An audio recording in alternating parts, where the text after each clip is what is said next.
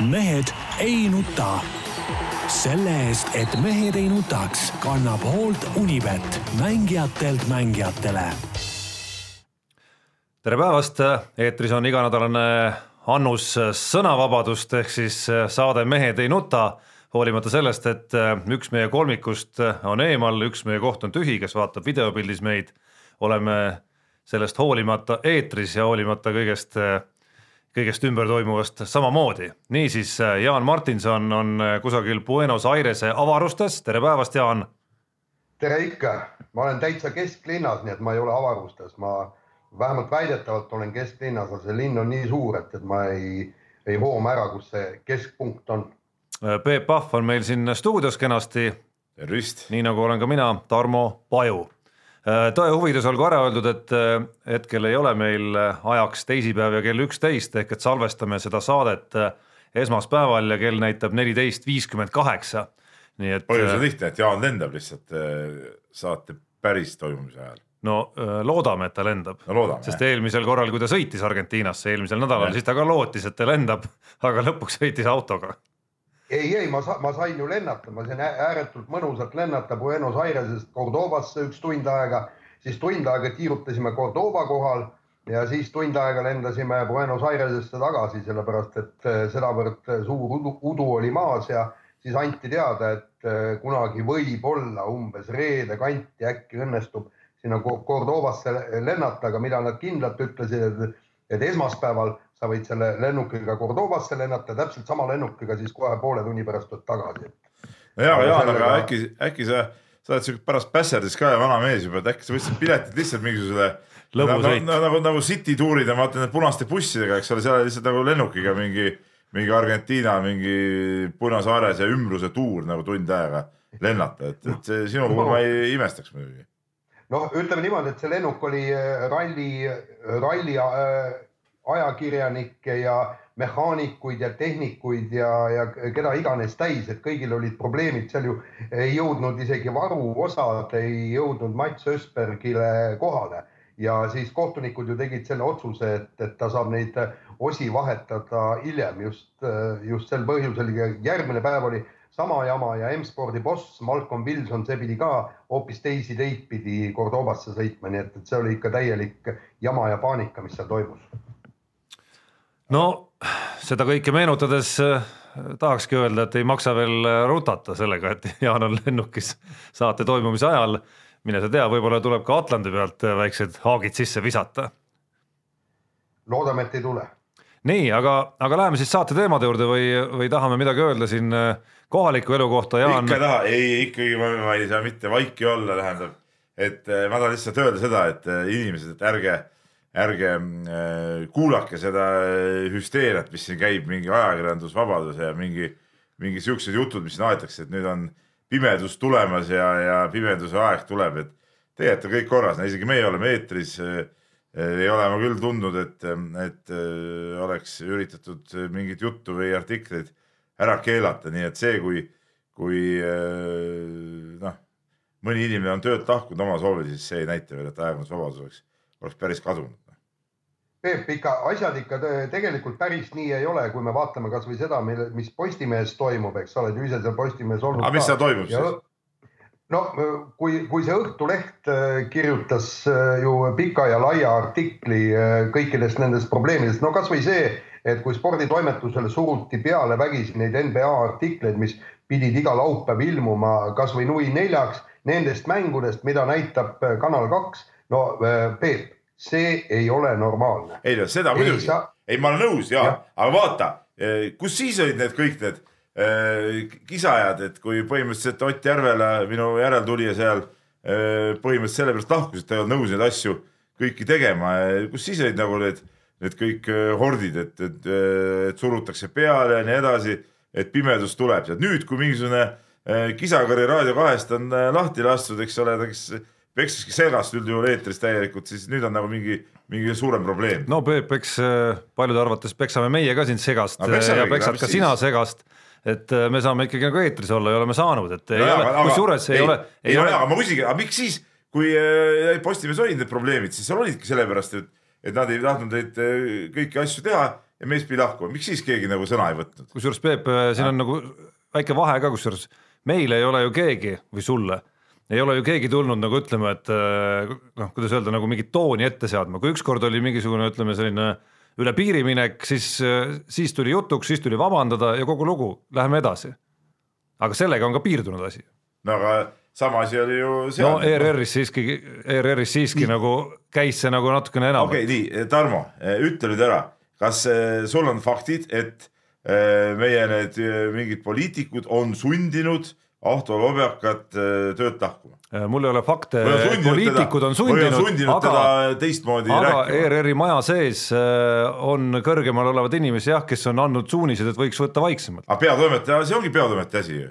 antud juhul ei olnud peatoimetaja. ei no vahet ei ole, see ongi ju ülemust, näiteks kui mul, kui mulle ei meeldi, kui kui ma ei tea, Madis Kalvet kirjutab äh, mingisuguse loo, mis mulle ei meeldi, siis ma ei lase seda eetrisse, väga lihtne ja see ei ole ajakirjandusvabaduse piiramine, see ongi minu otsus, kas ma lasen ta, kas ma lasen sel lool ilmuda või ei lase ilmuda, kas ma lasen selle inimese eetrisse? Või ei lase, see ongi minu otsus ja see, see ei ole mingi ajakirjandusvabadus, nalja teete, tulge mõistusele. no see ikkagi, Peep, on arvamusvabaduse piiramine küll, kas sa, no see on ei, no, sinu, aga... sinu õigus, Peep, on äh, otsustada peatoimetajana, kas sa tahad selliseid arvamustoimetajaid endale või mitte, seda muidugi. no loomulikult noh, nii ongi ju aga seda, et sa hakkad kirjutama oma, oma, sul on olnud endagi toimetuses reporterid või toimetajad, kes on kirjutanud arvamuslugusid, mis sulle ei meeldi. sa ei lähe ütlema talle, et ei, ma see, selliseid ma ei taha näha siin. No, sa nii, isegi sina tolereerid siin arvamusvabadust. ei, ma ütlen ausalt nii, on olnud üks lugu, mis oli piiri peal, et ma mõtlesin, kas ma kustutan selle ära või ei kustuta, seekord veel ei kustutanud, aga ma oleks võinud seda täitsa vabalt ka teha ja see oleks olnud mingi arvamusvabaduse no, piiramine. tegelikult neid lugusid on rohkem, mis on häirinud sind ei, personaalses no, plaanis. jaa, ma räägin, mis on põhimõtteliselt olnud, et selles suhtes mul on täiesti õigus ja nii ongi, see ei ole mingi arvamusvabaduse piiramine. kui sulle ei meeldi, kirjuta mujal neid arvamusi siis, eks ole, või räägi mujal raadiosaates neid jutte, ongi kõik. mind ei veena see jutt absoluutselt, see on täielik jama. selleks ongi, ma ütlen ka, ma ütlen ka Postimehes, kui Vilja Kiislale seal ei meeldinud siis ja, ja peatoimetajale ei meeldinud tema jutt, siis see ongi peatoimetaja püha kohus ongi ütelda, et see toon ei olnud nagu hea ja kui sulle ei meeldi see jutt, mis peatoimetaja, siis sa lähedki minema ja see ei ole mingi ajakirjandusvabaduse piiramine, noh. tulge mõistusele. no me jääme siin. ja kui sa Jaan, ja Jaan, kui sa kirjutad mingit soppa, siis ma ei lase seda eetrisse, väga lihtne, nii ongi. sa praktikas no, ju, Peep, ei tee seda, sa võid rääkida, aga sa ei tee seda tegelikult. kui Jaan hakkas kirjutama mingit täielikku saasta siis ma loomulikult keeraks selle ära, no ma ei lase seda lihtsalt, ma ei pane lehte lihtsalt, see on kõik. Peep, sa saad aru, tähendab, sa ei saa mulle peale sundida ja öelda, et minu arvamus ühe või teise kohta on vale või väär. ja, aga, ja, aga ei, jutt käib ju siin sõnakasutusest praegu ei no, no jutt ei käi kusjuures sõnakasutusest, sest sõnakasutuse osas on kõik ju selge, kui me räägime Ahto Lobjakast, sõnakasutuses no, on kõik ju selge. Vilja Kiisleri arvamusartikkel, millest käis juttu, see oli ju, see oli täielik saast ja ta kirjutaski selle. see on sinu arvates no, nii. no see ongi noh, ja, ja, ja kui peatoimetaja ka nii arvas, siis nii ongi, see on õige ja ta ei pea seda laskma sinna, väga lihtne. siin ei ole midagi, midagi, mille üle te vaidlete üldse, ma ei saa aru nii, kaks-üks häältega on siiski Peep antud juhul vähemuses. ei, ma ei ole vähemuses. ja me läheme edasi. ja kui ma tahan, siis ka püsti jääbki saade ära ja väga lihtne on see asi väga lihtne on see asi, need no. asjad ei käi niimoodi, et, et, et, et kõike võib suust välja ajada, mida, mida tahad või võid kirjutada kõike, mida tahad, väga lihtne, siin ei ole mingit juttugi. Noh. ja loomulikult mul on õigus no kindlasti, loomulikult. Aga... ja, ja see on täielik, see on täielik pask, mis välja aetakse see, mida Peep, Peep, Peep, see, mida, ei, see on sinu see, arvamus. ei no ongi, ma, ma ütlengi no. ja ma ütlen, minu arvates on see täielik pask, mida välja aetakse ja ongi kõik jah, minu, minu arust küll mitte, minu arust oli väga hea saade kusjuures, see ükskord läks ta tõepoolest üle piiri, aga ta vabandas ka seal kohapeal ise. saadet ei kuulanud keegi nalja teed. vastupidi. ah ole nüüd, mis asja, mida sa kuulad. see oli siis hea saade, kui seal olid Samost ja Rumm kunagi nii, no ühesõnaga ma arvan, et ka su väide, et keegi ei kuulanud, mis ei ole enam arvamus, vaid faktiväide, ei vasta tõele alustuseks juba, kindlasti kuulas. no see number ei olnud väga suur, just toodi numbrid üks päev välja. Ja meil ilmus endalgi arvamusartikkel, kus järjestati raadiosaateid ja peeti seda üheks kõige tugevamaks arvamussaateks. no see, see oli subjektiivne arvamus. no vot, järelikult on kuulajaid. aga okei okay,, lähme ralli juurde, alustame seda saadet sporditeemades siis ikkagi autoralli ja Argentiina ralli juurest.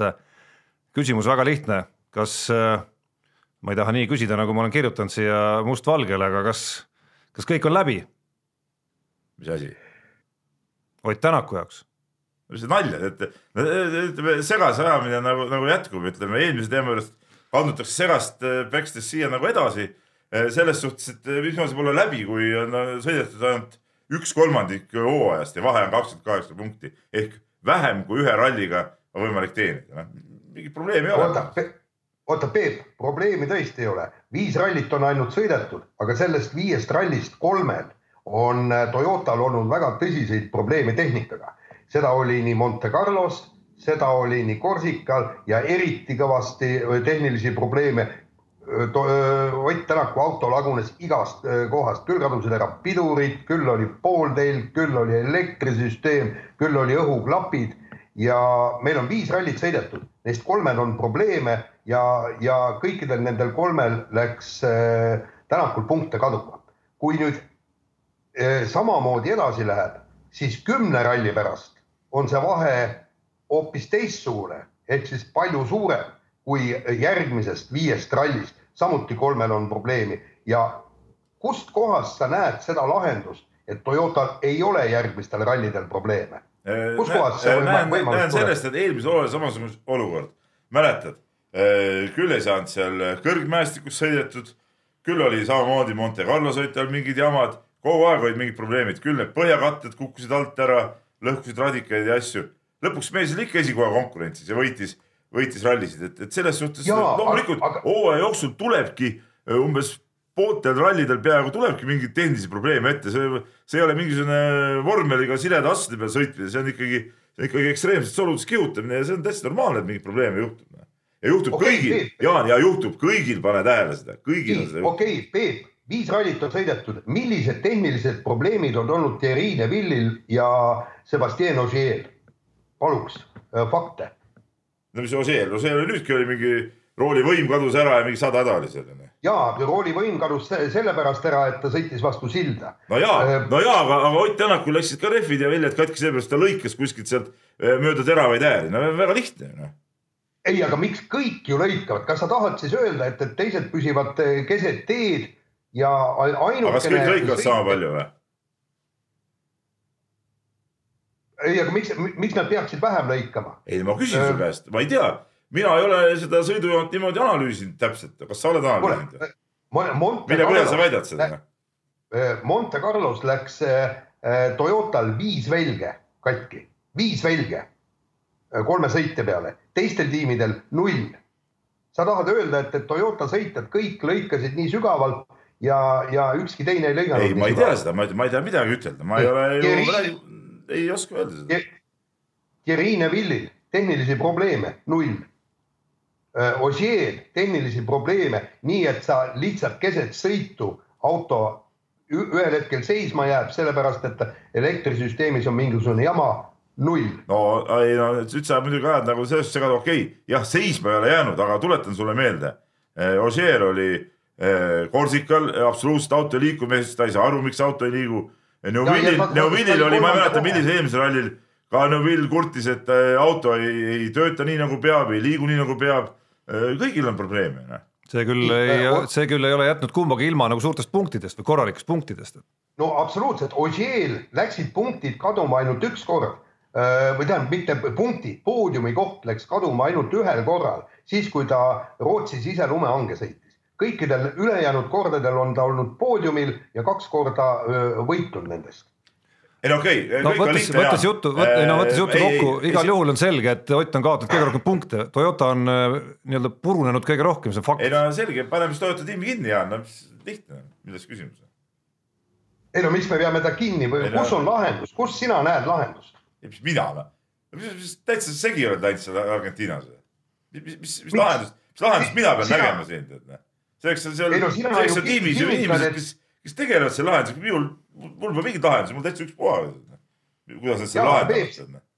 Peep, aga sina kinnitad ja väidad, et edaspidi Otil probleeme ei ole ja, ja nüüd ta põristab rahulikult äh, kas ma olen kuskil väitnud, et edaspidi probleeme ei ole? no loomulikult. sa ju ise ütlesid, et ei ole mingisugust probleemi, et punktivahed on nii väiksed. ongi väiksed no jaa, aga nad kasvavad ju suuremaks, kui Toyota niimoodi jätkab. aga kust sa tead, et Toyota järgmisel rallil on samasugused probleemid? no aga kust sa tead, et ei ole? ei, ma ei tea seda okei okay., tundub, et see vaidlus sellisel kujul jookseb ummikusse, aga noh, fakt on see, Peep, et no Toyota ei saa väga palju lubada enam endale selliseid äh, apsakaid või Ott Tänak õigemini MM-tiitli ehituses ei saa lubada enam selliseid apsakaid. ei no Ott Tänakul ei ole siin eriti midagi lubada, kui, kui. ütleme, Ott Tänak ei saa Toyota apsakaid selliseid lubada endale, täpsustame. jah, et äh, muidugi väga palju ei saa, aga nüüd hooaeg on nii pikk, et siin küll neid probleeme tuleb nagu kõigil, see on nagu, see on nagu selgemast selgem, et noh, ma siin nüüd nii häirekella veel ei lööks, et kui ütleme, eelmine aasta mängiti tagasi seitsekümmend punkti, okei okay,, see oli nagu ime ja seda seda nagu loota, et laseme seekord ka seitsekümmend punkti vahet sisse ja, ja siis eh, tullakse sealt välja, noh, see oleks nagu natuke rumalus nagu loota, aga, aga miinus kahekümne kaheksa pealt äh, mingit paanikat veel teha.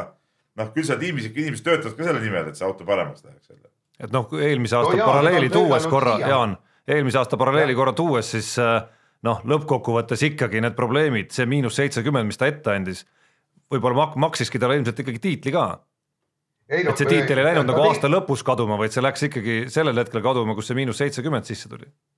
ei no ütleme niimoodi, Ott Tänak tegi ju selle miinus seitsekümmend kaks punkti tegi kenasti tagasi. Walesi rallil äh, ta juhtis pikalt, tal oli vaja ainult see auto rahulikult finišisse tuua ja ta oleks olnud maa, äh, MM-sarja liider. ta oli noh, nii-öelda virtuaalne liider ja mis siis juhtus? lihtsalt tuleb auto põhi alt ära, hüppes trampliinilt kus kõik, kõik teised autod üle lähevad ja kellelgi teisel seda pro probleemi ei ole. ütleme niimoodi, et need probleemid said äh, otsustavaks ja just nende probleemide tõttu ei tulnud äh, Tänak maailmameistriks, võib nii öelda.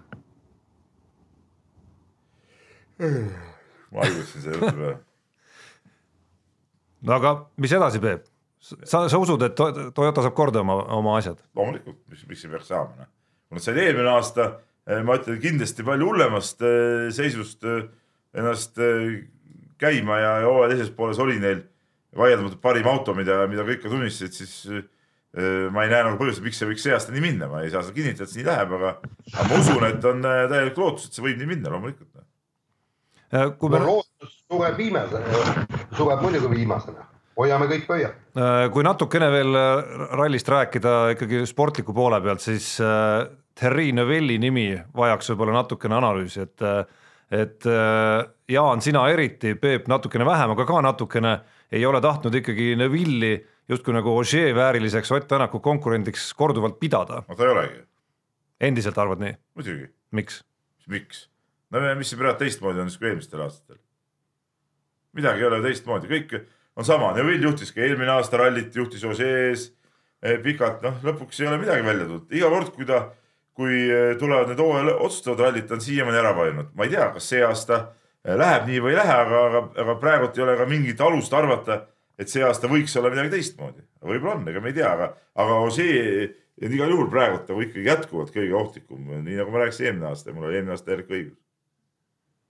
Peep, siin on eh, üks väike erinevus on äh,. erinevus on see, et Ogier istub praegu Citroenis, mis nagu sa ise, ise ka tunnistasid eks, et näiteks asfaltil ei olnud Korsika äh, väga võitlusvõimeline. Äh, Ogier tegi nüüd äh, Argentiinas tegi vea, aga, aga no ütleme niimoodi, et ta, ta kiirus ikkagi, Citroeni kiirus jäi ikkagi Hyundai kiirusele ja ka Toyota kiirusele alla. vot seal võib probleemid tekkida, kui, kui Neville hoiab oma pea külma ja kui Hyundai on tõesti kruusal sedavõrd kiire, nagu näitas Argentiina ralli ja ma, ma ei, ma ei mõtlegi, et, et äh, Neville nüüd äh, peaks kõik äh, ülejäänud rallid võitma või mis, aga kui ta sõidab mõistlikult, rahulikult ja ei suru ja nopib neid poodiumi kohti, siis võib Ossiel ja ka Tänakul tema vastu raskeks. Jaanikene, no sa tõesti, no sa oled eluaeg suutnud vaimustada mingist hetkeks, mingi ühest võistlusest, mingist ma ei tea, mis asjast. no võta nüüd rahulikult nüüd, üks kruusaralli on sõidetud juba, sa räägid, kuidas kuidas Hyundai ongi kruusal kõige parem, siin ei ole mingit juttu ega, ega, ega asja. eelmine aasta räägiti sama juttu, Hyundai kõige parem auto. ma ei tea, hooaja teises pooles polnud, polnud haisugi sellest kõige paremast autost. ma, ei räägi, et Hyundai on kõige parem auto kruusal, aga ma ütlen, et ta on konkurentsivõimeline no, auto kõik, kruusal. muuseas, Jaanikene, kõik neli masinat on konkurentsivõimelised MM-sarjas. no meenuta eelmise aasta Toyotat ja Türgit mille ralli lõpuks Tänak võitis, kas oli äh, see Toyota konkurentsivõimeline kiiruse poolest äh, teiste autodega? tuleta meelde, võitis ralli. midagi just, muud ei olegi vaja rääkida sellest. sellepärast, et teised väristasid ära. no äkki mõni mees valis sobiva sõidukiiruse vastavalt oludele?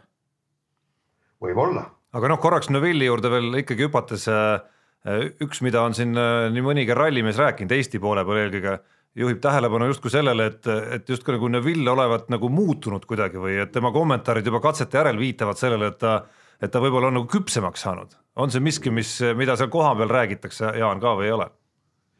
no ei, seda palju ei räägita ja, ja tegelikult ega ta ei ole ju väga küpsemaks saanud, kui me vaatame neid eelmisi rallisid, kui äh, oli see jah, Korsika rallil, kui ta hakkas jälle ju hädaldama ja vinguma äh, kui ta kuulutas välja, kuigi ta ei olnud eriti palju, ta oli paarkümmend sekundit Ott Tänakust maas, kui ta juba äh, andis intervjuudes äh, märku, et, et tal ei ole mitte mingisugust võimalust äh, Ott Tänaku vastu ja, ja oli ääretult pettunud. Jaanik, kõik sellised jutud on tihti ka psühholoogilised rünnakud lihtsalt, et vastasele nagu anda, tekitada muljet, et sa ei loodagi vastu saada eks needsamad no., eks needsamad torked käisid ju täpselt sinnasamma ooperisse, et Neville, kes teatas ühel hetkel, et et Toyota on, et ta on nii-öelda Tänakust aeglasem, sest Toyotad on nii kõvad, mille peale Tänak ütles siis, et et huvitav, et kas siis tõesti minu auto on ainult nii kiire, et, et miks siis Latvala ja Miik äh, Neville'ist jällegi aeglasemad on?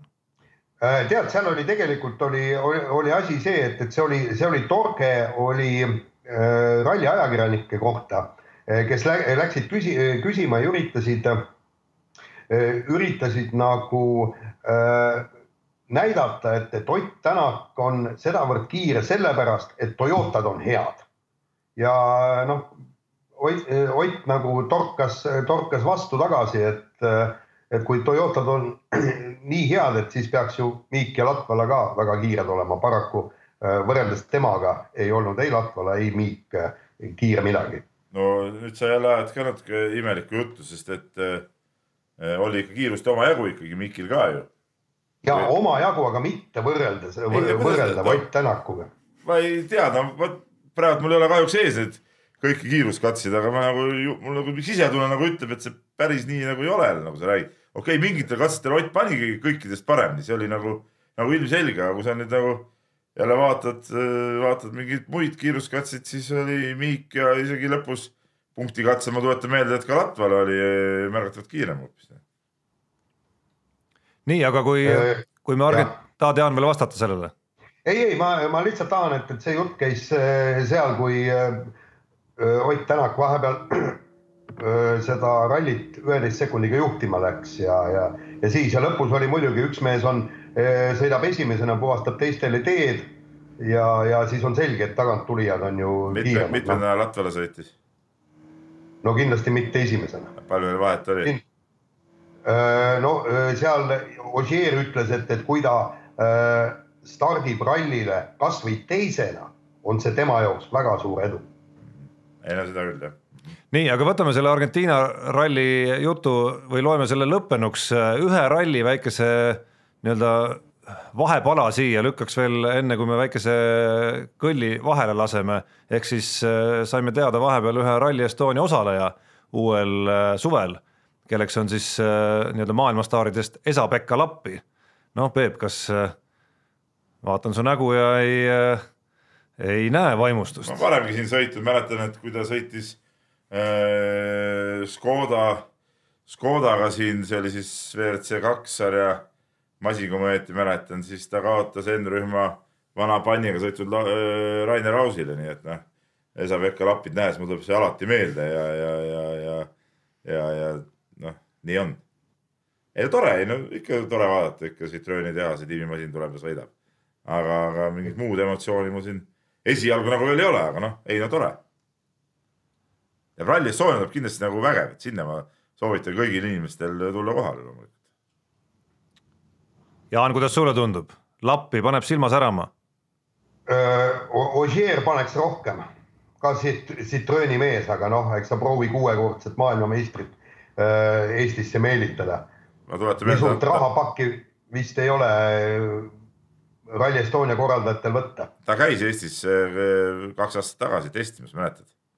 ja ei testimas küll, aga ma ja. mõtlen rallile ja sõitma, vot see oleks tõesti tõeline publiku ma, no, ma mäletan, ma mäletan, kui ta käis siin kaks aastat tagasi testimas, siis oleks võinud sinna testikatsele, ma usun ka tuhandeid pileteid müüa lihtsalt, huvi oli juba nende uudiste vastu nii suur, et ta käis. nii, aga nüüd väike paus Unibetis saab tasuta vaadata aastas enam kui viiekümne tuhande mängu otseülekannet. seda isegi mobiilis ja tahvelarvutis. Unibet, mängijatelt mängijatele.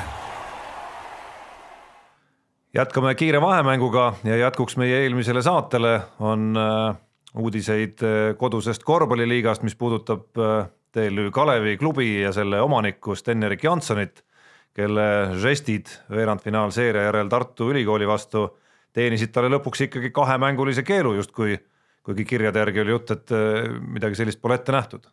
see oli huvitav lugu jah, et, et äh, alaliidu president Jaak Salumets ütles, et, et ei ole millegi eest karistada. Ja siis üks päev hiljem äh, tuli uudis, et ikkagi, ikkagi sai karistada kahemängulise keeluga, noh õiglane otsus, noh, nii nagu ma ka kirjutasin pärast seda juhtumit, et, et äh, paarimänguline vähemalt eemalolek peaks, peaks selle eest olema nagu garanteeritud ja, ja nii ka läks. noh, noh kasvõi signaalina selles mõttes, et isegi, isegi kui, kui ei ole nagu ette nähtud, siis signaalina on see minu arust kindlasti vajalik. nojaa, aga vaata, nüüd on Tarmo äh, sinule küsimus, et see on, äh, see on klubi omaniku eneseväljendusvabadus kas tal ei ole vaba õigust? vasta. no täpselt ja. samamoodi, Peep, nagu sina oled äh, oma raadioeetris äh, nii-öelda üle piiri äh, mindud sõnadest vabandanud. ma ei ole kunagi üle piiri läinud. no miskipärast sa vabandasid siiski no,. täpselt samamoodi. see oligi, vaat siis oli nagu tsensuur ja mul sunniti peale seda vabandust. ei ole mina kindel, Peep, et see päris nii oli. ma mäletan ma mäletan siiski, et sa oled, ma mäletan siiski, et sa ühe nii-öelda lause osas oled tunnistanud ka ise, et sa, et sa läksid siiski üle piiri. mina seda ei mäleta. no mina mäletan. Äh, samamoodi nagu nii-öelda ühe sõnakasutuse pärast on kas Ahto Lobjaks või keegi teine vabandanud, noh, täpselt samamoodi läks ikkagi Sten-Erik Janson mingi asjaga ka üle piiri, kui ta oleks seal äh, vahetusmeeste pingi peal lihtsalt äh, karanud ja juubeldanud niimoodi, käed püsti, ma arvan, et keegi poleks sellest mingit probleemi teinud ja võib-olla hüüdnud midagi ka sinna tartlaste poole, aga mitte midagi ebasündsat, antud juhul see kahjuks ei olnud niimoodi. või sa, Peep, arvad, et äh, täitsa okei okay värk? ei arva, sa ei arva ju noh. mis asi on okei okay värk? no seesama, mida ta tegi, noh, et, et karistades piirame siin mingisugust. Äh, vaata, vaata, mul on ajakirjandusvabadus kirjutada kommentaare siukse asja, ma olen oma kommentaari kirjutanud sel teemal juba, loomulikult ma ei arva seda. no seda ma tean, et sa ei arva, et ma üritangi aru saada, mis mängu sa mängid siin praegu ma mängin seda mängu, et et see, sa ajasid nii umbluud saate alguses, et et tuleb kuidagi sind ju nagu ütleme, kuidas ma ütlen, nagu ja, korrale kutsuda. jaa, aga antud juhul see bumerang tuli sulle endale ja, tagasi. ja küsimuse küsis muuseas eh, Jaan, mitte mina. nii, aga vahetame teemat ja suuname selle kohe Jaanile alustuseks. Eh, ehk siis ilmus intervjuu Õhtulehes siis Jelena Välbega, meie kolleeg David Zerp, kes käis muuhulgas siis kajastamas Putini ja Kaljulaidi kohtumise visiiti kasutas võimalust ja intervjueeris Jelena Välbet, kes muuhulgas ütles. enne kui sa ütled, ma tahaks tegelikult teha reklaami, Tserp Dave'il on vana, vana kamraad ja, ja ütleme nagu ütleks nagu pastaka mõttes relvavend, et, et soovitan lähiajalise või lähikuu jooksul Õhtulehte tähelepanelikult vaadata, et tal on ikka terve rida huvitavaid lugusid seal tulemas. see reklaam küll konkurendile, aga, aga ma ka laupäeval, ta helistas mulle ja rääkis ka oma reisist natuke olemisest, et ma arvan, et sealt on tulemas väga ägedaid lugusid, nii, aga nüüd lähme. aga ühesõnaga Jelena Välbe üks lause, mis tema intervjuust läbi käis, puudutas siis ka äh, dopinguskandaali, kuhu on sattunud meie Mati Alaver, Andrus Veerpalu ja teised Eesti suusatajad ja ütles Välbe sellise lause, et Venemaal oleks Mati Karlovitš juba trellide taga. ei, ma ei usu seda, ma ei usu seda, sest et Venemaal on ju, äh, seal on ju olümpiavõitjad Venemaa territooriumil ja seal oleks kindlasti ka, ka ütleme, äh, kuidas ma ütlen siis nagu olümpiamedalisti treener Vene, Venemaa territooriumil lihtsalt ja mingit trelli taha paneks seda kindlasti ei toimu. pigem me näeme, et seal on õiged mehed kõik. õiged mehed, absoluutselt, noh. no kui, kui vaadata, kui palju on tõesti eh, Vene sportlasi dopinguga vahele jäänud ja, ja okei okay,, me võime nüüd öelda, eks, et paljud nendest on äh, nii-öelda vahele jäänud ainult paberil, neid ei ole kinni võetud, aga. ma, ma, ma täiendaks, et osad neist on sõna otseses mõttes poliitilised niisugused süüdlased. jah just, aga, aga samas ei saa ka äh, midagi väita, on ka neid, äh, kes on tegelikult äh, dopingu tarvitamisega vahele jäänud ja siis peaks ikkagi äh, need vanglad üsnagi treenereid parasjagu täis olema. aga, aga millegipärast ei ole ja kõik need dopingutreenerid tegutsevad väga edukalt edasi. nii et vaevalt, et Mati Karlovitš trelli, trellide taga istuks aga väga huvitava loo kirjutas äh, eelmise nädala lõpus ka meie enda, kuidas me ütleme, noorreporter Märt Roosna ehk siis intervjuu Marti Keelega, kes aitas Pärnu võrkpallimeeskonna Eesti meistritiitlini ja, ja kuigi me korra mainisime seda teemat, siis, äh, siis nüüd Marti Keel kirjeldas natuke rohkem lahti, mismoodi tema päevad eelmisel hooajal välja nägid, mis algasid siis kell üheksa kontoritööga Tallinnas, siis kell viis Pärnusse startimisega, et jõuda kella seitsmeks või oli see kaheksateist nelikümmend viis trenni ja siis pärast trenni veel siis tagasisõitmisega, nii et pool, pool üksteist või üksteist jõuad tagasi jälle Tallinna koju. et, et kui sa niimoodi nagu kirjeldad selle lahti, siis, siis tegelikult see ei ole normaalne ju. aga no,, aga see on fanatism. see on, see on täielik äh, fanatism. no ma, mul on natuke teist, teistpidi arvamus sellest, et minu arust see ei ole eriti nagu mõistlik tegevus, see, et Marti Keel siiski on normaalne võrkpallur ja minu arust võiks nagu Eesti Eh, võrkpalli meistermeeskond suuta ikka tagada sellist asja, et noh, mees ei pea seal tööl käima. miks ta peab Tallinnas tööl käima, see on totrus ju tegelikult. Noh.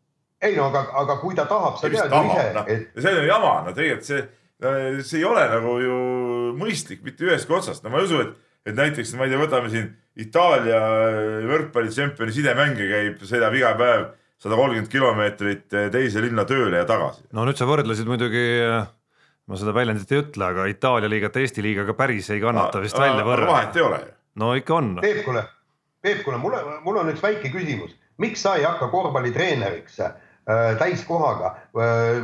sest ma tean, et see, see töö oleks sulle väga-väga meeltmööda. ma mäletan Postimehe äh, päevil, kui sa istusid autosse keset päeva, sõitsid Keilasse, andsid trenni ära, sõitsid Keilast tagasi äh, Tallinna tegid veel töö ära ja siis sõitsid koju tagasi äh, Vasalemma. Ja, sõits, sõitsid ka niimoodi noh, ma ei tea, mit, mitmeid tuhandeid kilomeetreid sa kuu jooksul läbisid. põhjus on ikkagi selles, et äh, Martti Keel on ka noor mees, ta tahab äh, luua endale noh, materiaalset vähemalt kindlustatust, sa tead ise, et, et võrkpallurite palgad ei ole äh, Eestis äh, maailma tasemel ikkagi. nojah, aga ma, kui ta Pärnus mängib, ma ei võiks nagu Pärnus tööd teha või, või ei saa teha. no antud tööd ta ei saa teha, aga, aga teine, no. teine variant muidugi on see, et, et mida Tallinna klubid magavad. see oleks ju päris tõsine argument äh, pakkumise, pakkumist tehes, et sa ei pea ikkagi sellist ralli nagu läbi tegema. ma saan aru, et isa ja Pärnu ja kõik need motiivid räägivad Pärnu kasuks, aga ikkagi. aga sa ei saa tippsporti teha sellise päevarežiimiga, see on nagu selge ja aga noh, ta ausalt, see ei ole nagu tippsport. jah, ta ausalt ütlebki, et ta ei teegi tippsporti no, ju tegelikult. kuigi ta on öelnud, et kui tekiks äh, mingi võimalus, siis ta isegi kaaluks välismaale profimängiks minekut, noh. et see näitab seda, et ta nagu hingelt on ta ikka rohkem äh, pallimängija kui muu töömees praegu. see on äh. täpselt nii, nagu sina oled hingelt korvpallitreener võib-olla rohkem kui ajakirjanik. nojaa, aga ma vaata, asi on selles, et kui ma nagu siit ära läheks, siis teil läheks see asi täitsa käest ära. Noh. ma olen nagu ainuke inimene, kes üldse terves selles Delfis või Ekspress Meedias võib-olla seda terve mõistuse joont kuidagi püüab veel nagu hoida või, või nagu tasakaaluks nagu seda hoiab sind.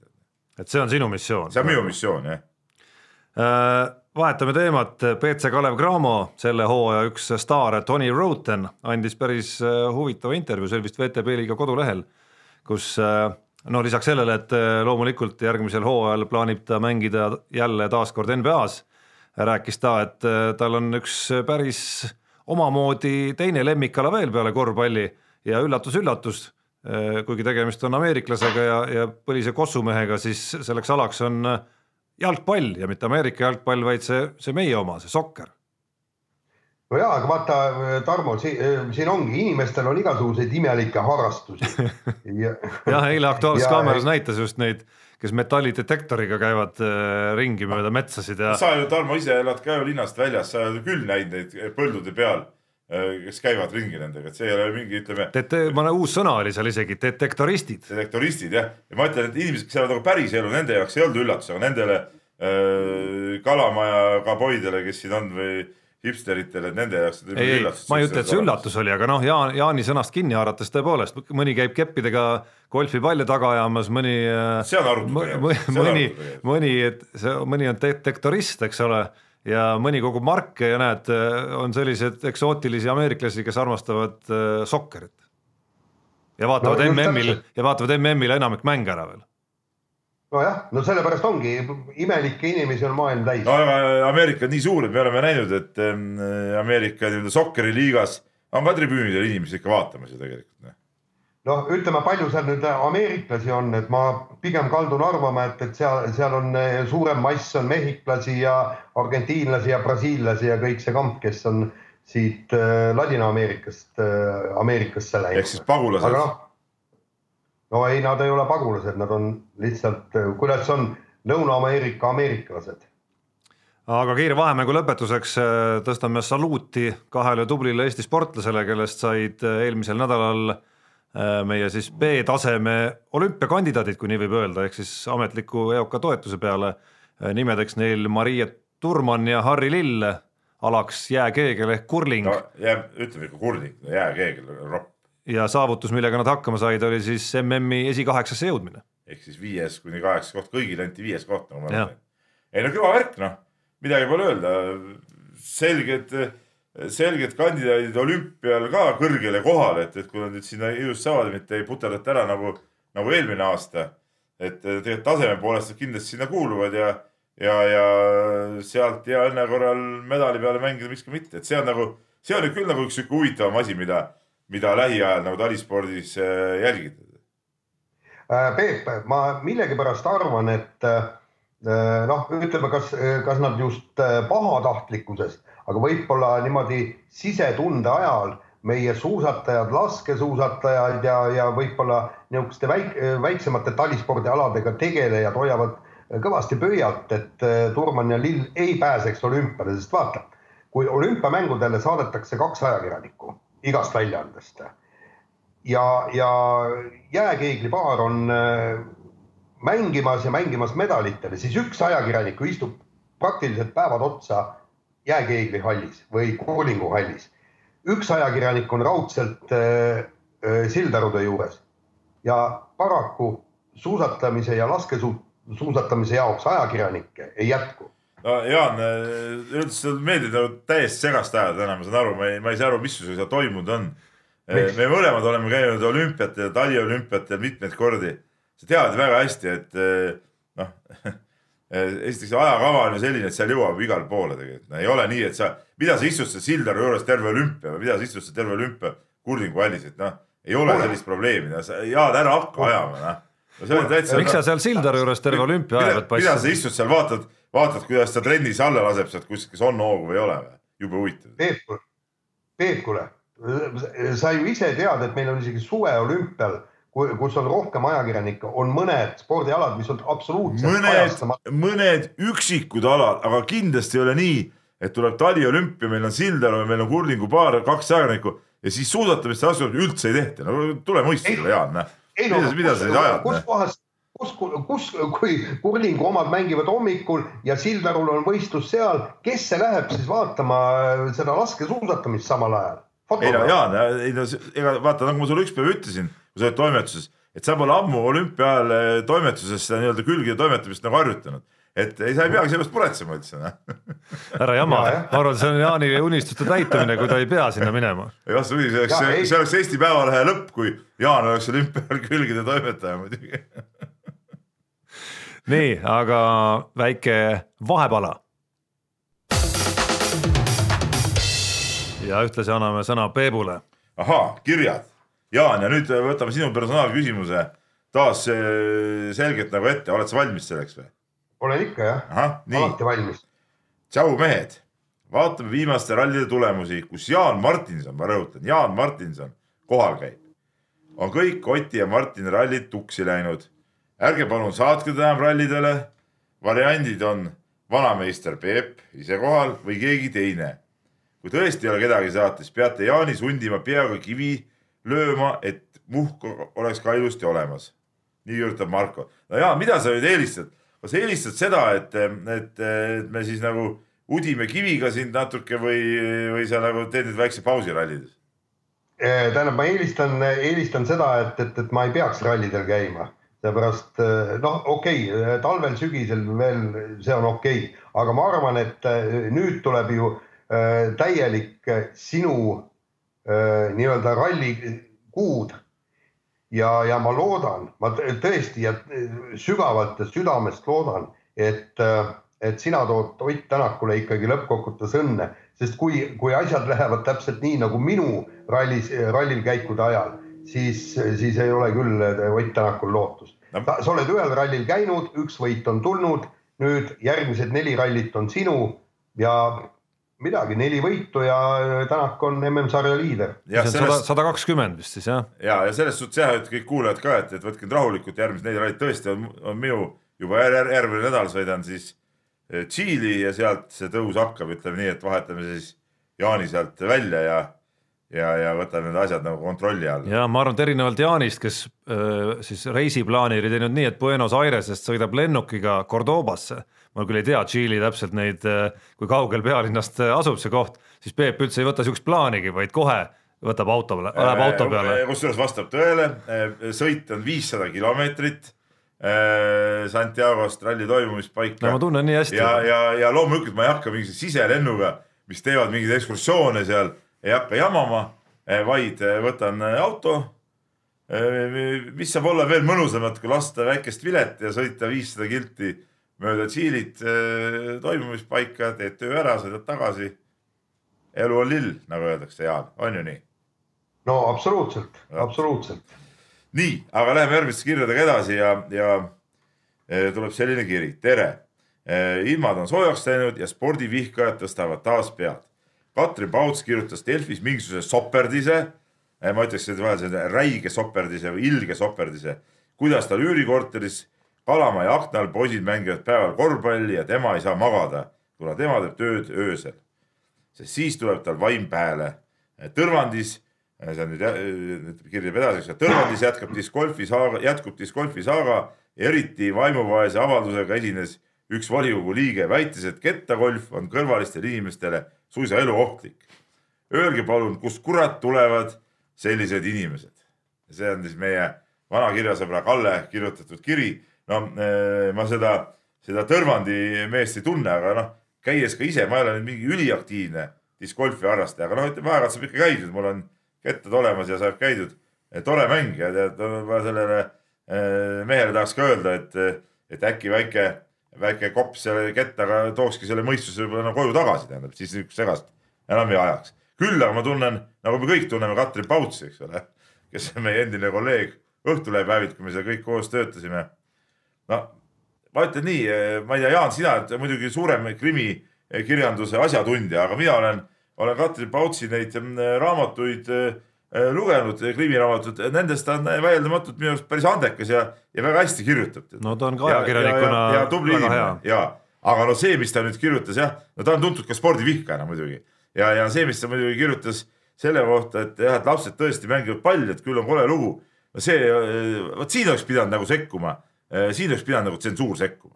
noh, siin on. Äh, mitte lasta, tähendab, meil ei olnud mitte mingit vajadust sellist soperdist Delfi külgedel avaldada mul on nagu selles mõttes Peep jällegi kahetised tunded, et ühest küljest loomulikult ma ei suhestu üldse selle probleemiga selles mõttes, et lapsed mängivad õues palli noh, mis veel paremat üldse saaks nagu olla. siin mingi kaheksa tundi ei saa olla. Äh, aga lihtsalt nagu teistpidi tunne on see, et jah, no lõpuks ta lahkuski sealt korterist, ma saan aru, et see, see saaga saigi sellise lõpu, et teisest küljest on õnnetu lugu, et kui sa oled selline inimene, keda see segab noh, siis ongi sul väga raske elada ja noh, hea tõestus, ongi raske.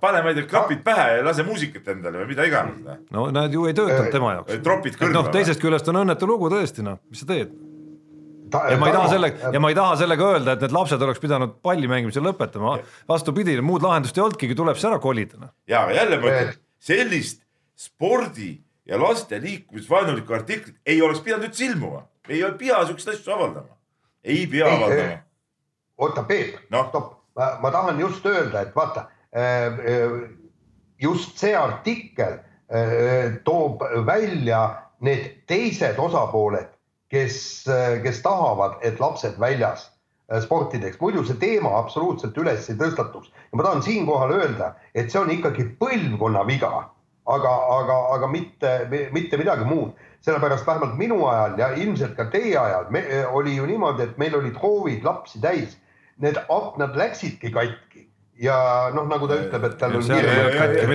Jaan, Jaan, ma nüüd, ma, ma julgen öelda, ma loodan, ma ei eksi, aga minu arust Tarmo ja Katri Pauts on suht ühe põlvkonna inimesed. no absoluutselt. jah, et siin nagu põlvkondade No, teemad see on ikkagi nagu inimeste enda, inimeste enda isikupärad ja omapärad ja muud ei midagi. ja e, e, ma tahan seda öelda, et meie ajal ei olnud isegi kellelgi võimalust kobiseda midagi säärast, sest ükstapuha, kuhu ta oleks kolinud, oleks seal täpselt samasugused pallimatsud käinud. meie ajal oli ju see ja, ja see kaheksa tundi, see on ju täiesti normaalne. Me läksime ju, noh, suvel olime kogu aeg õues, aga pärast kooli, kui sul kool lõppes kella kahest, kella kahest olidki pimedani, kella kümneni öö, olidki rahulikult ja, ja mängisidki väljas palli. Ja kõik mängisid palli, meil oli ikka, ikka hoovid olid ju lapsi täis ja niisugune kisa ja kära ja kill, kiljumine, see korvpallimatsud, see ei ole veel midagi, vaata See- kui mängitakse mä- mädamuna ja karjutakse seal ja kõike muud, noh. ja, ja me, oli- meil oli muuseas, sa ütled, et seal aknad katki aga meil oli näiteks sihuke lugu, et meil oli oma jalgpalliväljak oli sihuke, ma ei olnud ju, ma elasin nagu siukses asulas, eks ole, ja, ja majade vahel ja seal üks triiphoone oli seal kõrval. ja no me selle triiphoone klaasid lõime ikkagi katki üks korda öö, neli või viis, eks ole. ja siis me lõpuks, kui see vanaproua ka hakkas seal riidlema meiega vahest ja ei olnud nagu hea värk, siis me eh, tõmbasime ühe traadi sinna ette ja kui hakkasime jalkat mängima, siis eh, ma sain isa kuuri alt sain ühe presendi ja panin presendi ette ja siis see kaitses seda triiphoonet. et, et aga lõpuks mängida ikka lubati nagu. no näed, kompromiss seal Tõrvandis võiks ka kuidagimoodi osapooled olla huvitatud, isegi teie näed, suutsite presendi siin ei, aga see Tõrvandi mehele, no ma ei tea, no käi siis motokiivriga ringi, tead, kui sa ei julge olla muidu, tead, noh, mis teha ei, hokikiiver on parem, on nägu ka kaitstud ja hoki ja üldse pane hokivarustus selga ja uisud jalga ja vot kõnni nii ringi, siis on kindel, et haiget ei saa. Nii, aga nüüd on aega oleme palju rasjanud, et lähme nüüd siit kirjade juurest edasi, mingid unibetid ja. ja aeg, aeg ikka täiesti halastamatult jookseb, nagu näha, Jaan on ka ikkagi seal olnud kusagil eh, nii-öelda noh, maailma urkas, ütleme nii siiski. ehk siis eh, noh, nüüd saab nagu tsivilisatsiooniga sai mingi kontakti vaata kätte, rääkimisvajadus on nii suur onju. aga meie. Unibeti ennustus, kuidas teil läks eelmisel nädalal, ma unustasin ära, ma tunnistan ausalt, ma unustasin ära, ma ei teinud seda. kuidas Jaan sul? No põhimõtteliselt äh, küll ma panin Ott Tänaku peale panust ja väga-väga hästi läinud, panin veel mõned panused, miski läks pihta, aga, aga üldiselt miinus tuli, aga õnneks mitte palju. selge, no mina ütlen, et äh, minu saatus selgub veel, see selgub täna õhtul. see on siis tee, vabandust, BC Kalev Cramo ja Pärnu Sadama mängu puhul. panid Pärnu peale või? ei, ma panin, et Kalev võidab vähemalt kaheteistkümne punktiga selle kohtumise. tundus, et, ei see vot, vot, vot see on siuke libe tee, sest et. see on libe tee, aga olgem ausad, Peep, nende meeskondade nagu tegelik tasemevahe peaks olema umbes noh, kolmkümmend punkti aga ma tean, sa Peep, saad kohe neljakümne aastaseks, sa ikka. ma tean seda kõike, mis sa tahad öelda no,, aga kui vähegi nad pingutavad, siis aga nad miks nad võidavad. peaksid pingutama, noh? põhimõtte pärast, aga mis põhimõte see on? põhimõte on kolmandal, kui ma õieti mäletan, hakkab juba VTB veerandfinaal, mis asja nad siis pingutavad? no oled näinud, kuidas suured treenerid mängivad, no olen küll tõsiselt mängivad ka selliseid mänge Nad, mängivadki tõsiselt, aga pooled mehed ei mängi kaasa lihtsalt. isegi sellest peaks piisama.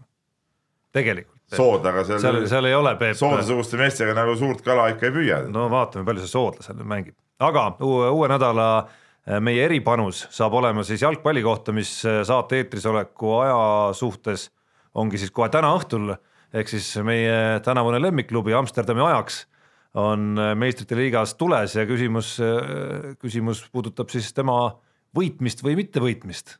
eripanus on siis antud juhul see, et äh, saab võimendatud koefitsiendiga panna selle peale, et Ajax võidab selle mängu kohe esimese mängu.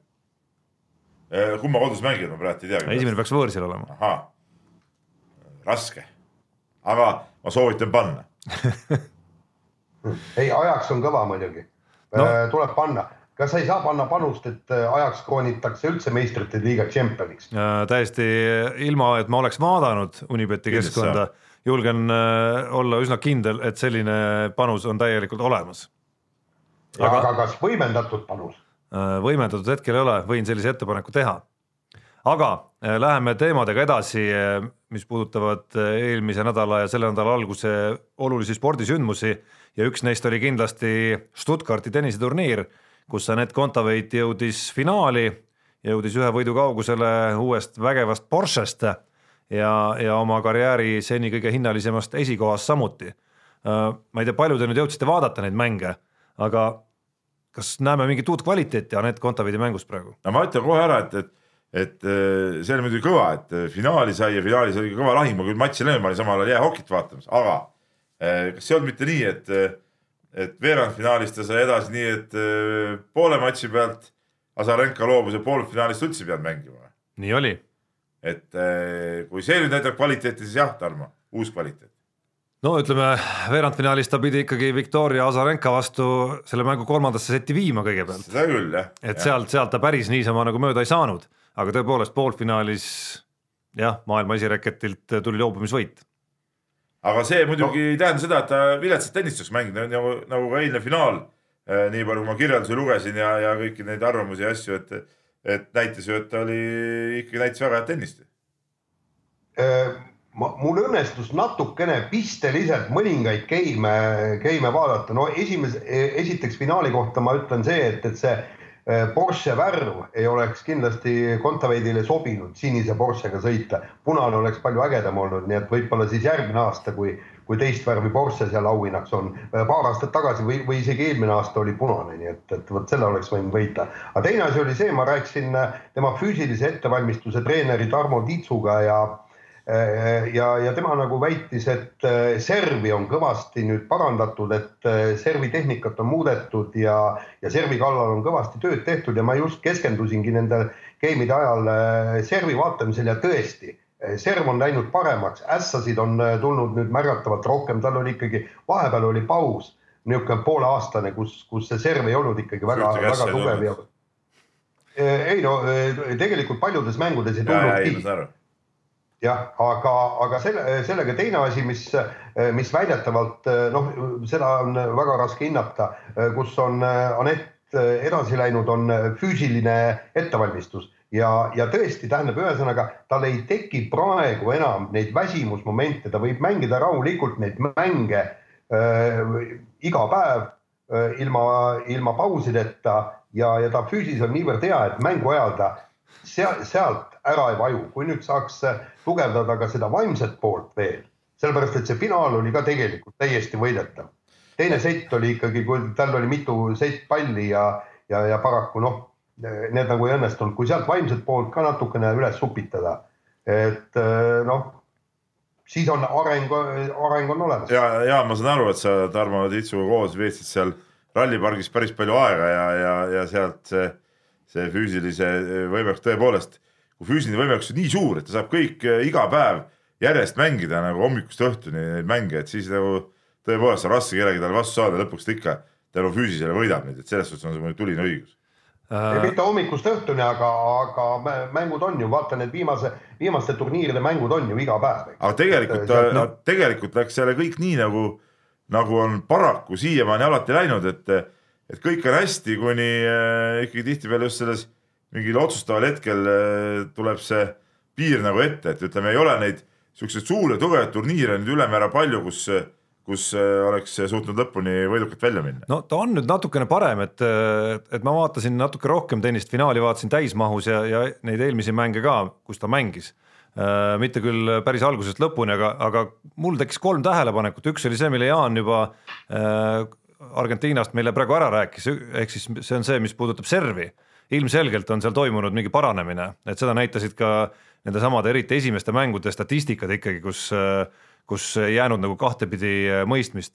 teine, mis äh, kumas väga palju läbi ja see ei olnud nüüd ainult Stuttgarti turniiri poolt, on ikkagi see, mismoodi ta on järjekindlalt vähemalt äh, maailma edetabelis enda tasemel või natukene allpool olevaid mängijaid võitnud ka hetkedel, kus võib-olla mäng ei ole kõige paremini välja tulnud isegi ja mänginud nende vastu just otsustavaid punkte väga hästi, et see kui me nüüd meenutame ajalugu, kas Kaia Kanepi või Anett Kontaveidi enda ajalugu, on olnud äh, pahatihti ju see, kus me pigem oleme nagu pidama jäänud, oleme pidanud tõdema, et näe, mängime, mängime võrdselt endast parematega, aga see õige paremus tuleb ikkagi välja, õige tase tuleb välja siis, kui on nagu mängumehe punktid ja siis ikka kaotame need kohtumised ära, et vähemalt sellel tasemel vastastega käib see asi praegu vastupidi Anett Kontaveidil. ja noh, kolmas märksõna on just see, et, et aga lõpuks nagu ta on küll maailma esikümne piirimail oma tasemelt siin selle aasta lõikes vist üheteistkümnes isegi kaks tuhat üheksateist, kui vaadata punkte, et noh, kuskil on need Kvitovad ja need ikka natukene ikkagi eespool, kas siis vaimu poolest või kui sa Kvitova servi vaatad, siis veel selle servi poolest ja nii edasi, nii edasi. et noh, sealt nüüd järgmist sammu teha, seda veel ei ole nojah, kui sa nii ütled. nii on nii on, nii on. vahetame teemat, tuli siis ära see uudis, Nõmme Kalju vahetas välja peatreeneri, Sergei Frantsev sai oma kohalt lahti, tuletan meelde, mees, kes eelmisel hooajal tegi siis Nõmme Kaljuga ajalugu, ei kaotanud ühtegi kohtumist äh, terve hooaja jooksul Nõmme Kalju. Ja ajutiseks asendajaks määrati siis U kakskümmend üks noortemeeskonna juhendaja Roman Kožuhovski. Aga võitu see Kuressaare vastu nädalavahetusel ei toonud. no see näitab veel kord, kui karm on treener elu tegelikult, eks ole, et sa viid meeskonnad absoluutselt eh, domineerides eh, tippu tšempioniks ja siis paar kuud hiljem eh, jalajälg tagumikul eh, pead lahkuma. Mul õnnestus Frantsuse saada korraga telefoni otsa sel päeval, kui see uudis tuli ja ta ei tahtnud küll nagu pikemalt lahata seda, aga ta, tal oli seal sihuke lause või tsitaat, et noh, et tal Äh, ta võib uhke olla selle töö üle, mis ta teinud on ja ma arvan, et võibki olla uhke, et, et ega, ega see klubi, klubi juhtimine mulle tundub siin nagu neid artikleid lugedes ei ole just ka nüüd kõige soosivam olnud selleks, et, et see edukäik oleks kuidagi jätkunud. kusjuures endiselt me ei ole saanud nagu Selgeid mingit ülevaate. nagu, nagu küsida, ütleme siis niimoodi, nagu päriselt küsida, Kuno Tehva käest on, on kuskil saadud või? ma tean, Madis Kalvet sai temaga igatahes tegelikult rääkida reedel, aga see vist väga selget sihukest selget põhjusi ikkagi kokkuvõttes välja ei, ei koorunud. Nojah, aga teine asi on ikkagi see, et, et noh, väidetavalt on tõesti Nõmme Kaljul on probleeme, eks, et ma ei tea, kas palkadega on probleeme, nende tähtmängija, kes tahtis lahkuda, teda äh, ei suudetud ära müüa, kõik nii, aga lõppkokkuvõttes ikkagi on ju treener, see ühendav lüli, kes peab äh, ka rasketel hetkedel suutma motiveerida mängijaid ja panema ja panna see meeskond mängima, et seal ei ole mitte midagi teha, no noh, on asjad nagu on ja aga ikkagi sa pead äh, kuidagimoodi äh, näitama oma taset, aga kui, kui sa tõesti nagu, mis see oli kaheksa vooruga miinus kümme punkti, nüüd on ju vist kaksteist punkti, ollakse liidrist maas, eks noh, seal on vaja muutusi ja ma ei kujuta ette, kas uus treener vaevalt, et, et temagi suudab nüüd olukorda muuta, aga, aga noh, no nii on. ega sa ei hakka ju mängijaid minema peksma, kellegi sa pead sealt ju minema lööma. klubijuht ka ei lähe ära üks kiire teemavahetus veel, enne kui saate lõpetuseks natukene korvpallist räägime. Eesti vehklemise meistrivõistlused ja, ja Peep, sa käisid seal kohapeal. käisin kohapeal. ja, ja ma tahaks küll küsida, et äh, see kõlab täiesti ebareaalsena, et on võimalik kahe noh, üldjoontes võrdse vehkleja vahel äh, kuus neliteist kaotusseisust tulla välja ja võita matš, nii nagu tegi Katriina Lehis Erika Kirpu vastu. aga nii on võimalik, nii juhtus noh kõigepealt küsimus, kuidas suudad kuus neliteist taha jääda? üheksa, võtta üheksa punkti ja. ilma ühegi kahe, kahekordse aga, aga kuidas suudad üheksaga taha jääda? ei no see on tavalisem siiski. ei, aga miks see tavalisem on? no selles mõttes ma võin sulle, ma arvan. kui ma lähen jalkas kolm-null ette, ole, ja pool ja pool mängu on veel ees, siis sa võid ju samamoodi kolm väravat tagasi. ja, ja aga noh, statistiliselt ilmselgelt on juhtunud äh.... ei, seda muidugi, tõenäosus, et ta lõpetab selle paarist torkiga ära, oli ju ilmne, aga tuli, tuli, tuli järjest ja siis juba sapsud sees ja nagu Eerik Kirpu ise ütles ka, et, et see on psühholoogia kõik, et siin ei ole nagu midagi ja ta, ta, ta pidas seda vehklemist nagu heaks sel turniiril, mis oli kahtlemata tal hea vehklemine, ta sai ju väga head võidud Nelli Tihverti ja Riina Embreki üle. et, et selles suhtes ta oli nagu, nagu tubli ja ta hakkab vaikselt, mulle nagu tundub, et ta hakkab vaikselt jälle august välja ronima, üles tulema. aga tuletage meelde eelmist aastat, kui Katrina Lehis tuli Euroopa meistriks, nii poolfinaalis venelanna oli see vist Kolobova vastu ja, ja finaalis Kristiina Kuusa vastu, ta tuli ka ikka täiesti lootusetutest seisudest välja. okei okay,, seal vastasel ei olnud just neliteist punkti all, aga, aga see vahe oli ju ka seitse torget. jah, ja, ja, jah, ja, ja, ja selle pealt ta tuli välja, ühesõnaga ta on ikka psühholoogiliselt ääretult tugev vehkle ja vehklemine ongi eelkõige, eelkõige psühholoogiline ala aga saate lõpetuseks törts korvpalli ka, sest korvpallihooaeg on oma haripunktis nädala jooksul. aga nüüd, no, mis nüüd sul ma on? ütlen, et, et mina, ei, ma ütlen, et mina lahkun nüüd eetrist, sest ma pean hakkama lennujaama poole liikuma ja sellest korvpallist ma niikuinii midagi ei jaga, nii et, et, et ma arvan, et te saate oma saate nüüd kahekesi ära lõpetada. no meie kuulajad, ma ei tea, kas andestavad sulle selle, aga eks sa jookse. teeme nii, Bye. nägemist. jaa, pai. ehk siis kui, kui lõpetada siin kahekesi korvpallilainel, siis no punkt üks muidugi kodune poolfinaal, TalTech ja TLÜ Kalev ja vägisi tundub sedamoodi, Peep, et, et TalTechist ei ole nagu ikkagi võitjat selles seerias või? no jah, et eh, Tallinna Kalevi võim korvi all on lihtsalt nii, nii domineeriv, et eh, kui, kui TalTech ei saa nagu, ei suuda oma lauda kontrollida ja oma kaitset pidama ei saa, et saaks nagu kiiremaid rünnakuid Kalevi vastu ette võtta, ilma et tantsid ja, ja näed mul jälle selle suure, suure. mürakas, no ütleme mürakas. mürakas ei, sinna korvi alla ei jõuaks selleks hetkeks. et siis, kui need on seal korvi all, siis on väga raske TalTechil mängida, samas jälle öö, omakorda ka neil kaitses on neid öö, raske pidurdada, neid suuri mehi, et et jah, paraku tundub, et Tallinna Kalev on lihtsalt paremini komplekteeritud ja, ja, ja ka Martin Müürsepp peatreenerina väga, väga sümpaatselt seda meeskonda praegu ka juhtinud, nii et ma eh, spetsiaalselt vaatasin laupäevast mängu, ma tulin Haapsalust Tallinnasse, jõudsin teise veeranda keskpaigaks saali ja, ja läksin läinud mitte tribüüni peale, vaid läksingi sinna alla Kalevi. uksi avas. uksi avas. telekast oli näha. jah, jah, see ei olnudki päris uks, et see ei olnud mitte inimeste uks, vaid, vaid see oli nagu see amet, noh, teenistus sisse kõik. ja sealt lihtsalt jälgisin ka, mis Müürsepp teeb nagu lähedalt ja, ja kuidas seal meeskonnaga suhtleb ja see oli päris äge ja, ja mul on nagu tema üle ka nagu hea meel tegelikult. Et mõnes mõttes on see ju või oli minu arust endiselt anomaalia see, et TLÜ Kalev üldse selles pingereas nii madalale langes. Ehk siis tema koht tegelikult minu silmis endiselt on komplekteerituselt Eesti teine-kolmas meeskond Kalev Cramo järel. selle, selle kohta Martin ise ütles, ma tegin temaga pärast mängu juttu ka, mul lehte küll mahtus sellest mingi üks sajandik võib-olla, aga, aga ta ütles ka siukse lause, et, et eks sel hooajal ka nüüd, kui ta sai peatreeneriks, pärast seda nii meeskond kui ka tema ise peatreener iga mänguga ikkagi nii palju õpib eh, midagi juurde, et noh, et see areng on olnud küll praegu nagu selle poole hooajaga just peatreeneri koha pealt nagu, nagu ilmselge. Aga punkt kaks, kuna aeg piitsutab takka, Euroliiga veerandfinaalseeriatest said ka neljast kolm läbi, meid huvitab loomulikult üks kõige rohkem ja ootasime, mis me ootasime, aga Kaunas ja Žalgiris pandi ikkagi Kaunases lõpuks no tippklassi, võib-olla Euroopa parima meeskonna poolt paika. no jõuga, jõuga pandi ära, no siin ei ole midagi öelda, ega, ega null etteheidet Žalgirisele, nad said äh, Fenerbahce vastu võõrsil võidu kätte seerias äh, ei olnud niimoodi, et lasti püksid maha ja poisid, tehke meile kolm-null, eks ole.